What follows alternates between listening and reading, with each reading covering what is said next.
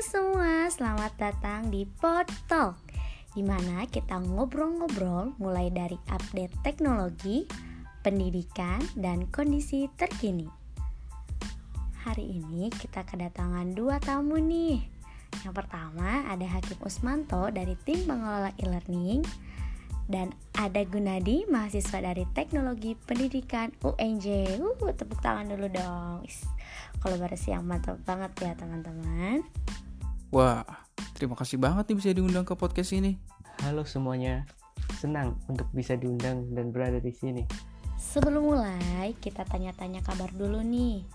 Di tengah pandemi kini, gimana keadaan fisik dan mental dari Hakim dan Gunadi? Gimana? Sehat-sehat atau lagi puyeng banget?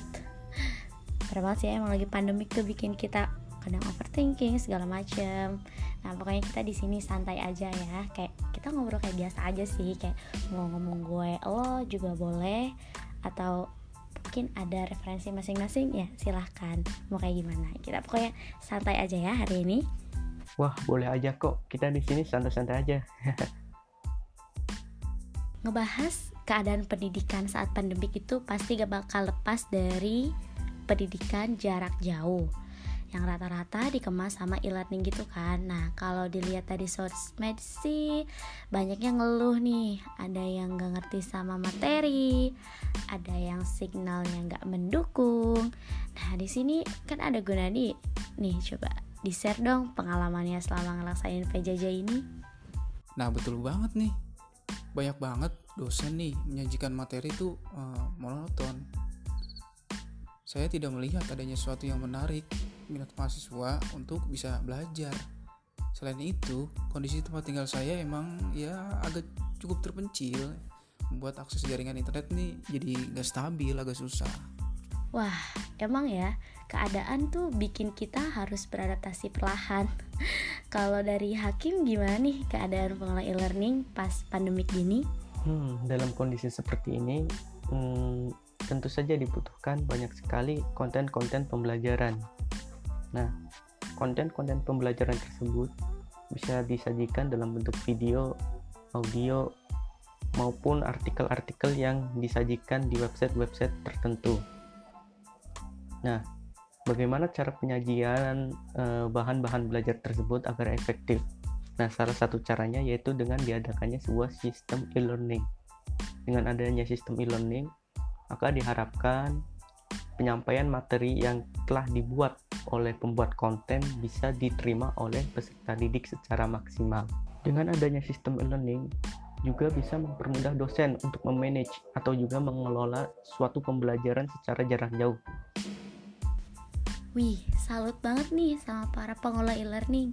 Udah nyiapin kegiatan pembelajaran di balik layar. Oh, tepuk tangan dulu dong buat kita semua yang udah ngejalanin dan yang udah ngelola juga. Nah, tanpa berlama-lama kita akan ngebahas sebuah platform yang identik banget sama e-learning, yaitu Moodle. Yang paling cocok buat ngejelasin Moodle kayaknya Hakim nih. Sebenarnya apa sih itu Moodle? Mengutip dari Wikipedia, Moodle merupakan singkatan dari Modular Object Oriented Dynamic Learning Environment yang merupakan suatu perangkat lunak atau software yang diproduksi untuk kegiatan belajar berbasis internet dan situs web. Nah, model itu sendiri menggunakan prinsip social constructionist pedagogi. Jadi, model tidak hanya berbasis IT atau pemrograman, tetapi juga dikembangkan secara uh, menurut aspek pembelajarannya juga dimasukkan ke dalam model ini. Nah, Moodle merupakan salah satu aplikasi dari konsep dan mekanisme belajar mengajar yang memanfaatkan teknologi informasi. Eh, banyak sekali sistem e-learning baik di Indonesia maupun di luar negeri yang menggunakan model ini sebagai kerangka atau pembangunnya. Nah, kenapa sih model ini banyak sekali dimanfaatkan oleh kampus-kampus maupun sistem pendidikan baik di Indonesia maupun di luar negeri? Hal ini dikarenakan model ini merupakan suatu sistem yang bersifat terbuka atau open source. Jadi siapa pun bisa menggunakan dan bisa berkontribusi untuk mengembangkannya. Nah, artinya model ini bisa digunakan secara gratis. Selain itu, model juga bisa dipasang atau diinstal pada komputer dengan spesifikasi yang tidak terlalu tinggi. asalkan komputer tersebut bisa menjalankan PHP dan MySQL hmm, model itu sudah bisa dipasang. Oh begitu. Nah kalau untuk penerapannya itu kayak misalnya di kampus tuh seperti apa aja ya? Di Indonesia sendiri dalam penggunaan model ini banyak sekali dimanfaatkan di kampus-kampus yang memiliki sistem e-learning. Salah satunya di Universitas Negeri Jakarta. Usut punya usut nih platform e-learning itu kebagi dua antara LMS dan LCMS sebenarnya letak perbedaan keduanya itu di mananya sih begini pernah saya pelajari ini materi di kuliah Setahu saya, LMS itu generasi pendahulunya. Dan kemudian LCMS muncul dan diciptakan karena para ahli berniat menyempurnakan LMS ini berlainan fungsi dengan LCMS. Nah, betul Gun. Kalau dari definisinya, LMS adalah aplikasi perangkat lunak untuk kegiatan dalam jaringan, program pembelajaran elektronik atau e-learning, dan isi pelatihan. Nah, sedangkan kalau LCMS adalah aplikasi yang dirancang untuk memfasilitasi pembuatan atau penangkapan, pengelolaan, dan transfer atau distribusi konten. Nah, LCMS ini dirancang untuk pembelajaran atau dukungan kinerja. Nah, model ini termasuk ke dalam LCMS. Nah, hal ini bisa didukung atau dibuktikan karena di model itu ada yang namanya repository, yaitu memiliki pusat data yang dapat menyimpan dan juga untuk mengubah data pembelajaran yang ada. Nah, di model itu juga ada yang namanya learning pad yang mengubah situasi belajar yang nyata menjadi maya dan juga memiliki materi yang disajikan secara sistematis dan diakhiri dengan evaluasi. Selain itu ada juga yang namanya learning object yaitu materi yang disajikan berupa chunk atau bagian-bagian kecil sehingga dapat mudah dipahami. Nah, ada juga yang namanya auto-reading tools yaitu perangkat pendukung yang dapat membuat learning object menjadi dinamis sesuai kebutuhan. Nah, model ini juga mendukung kemampuan administratif.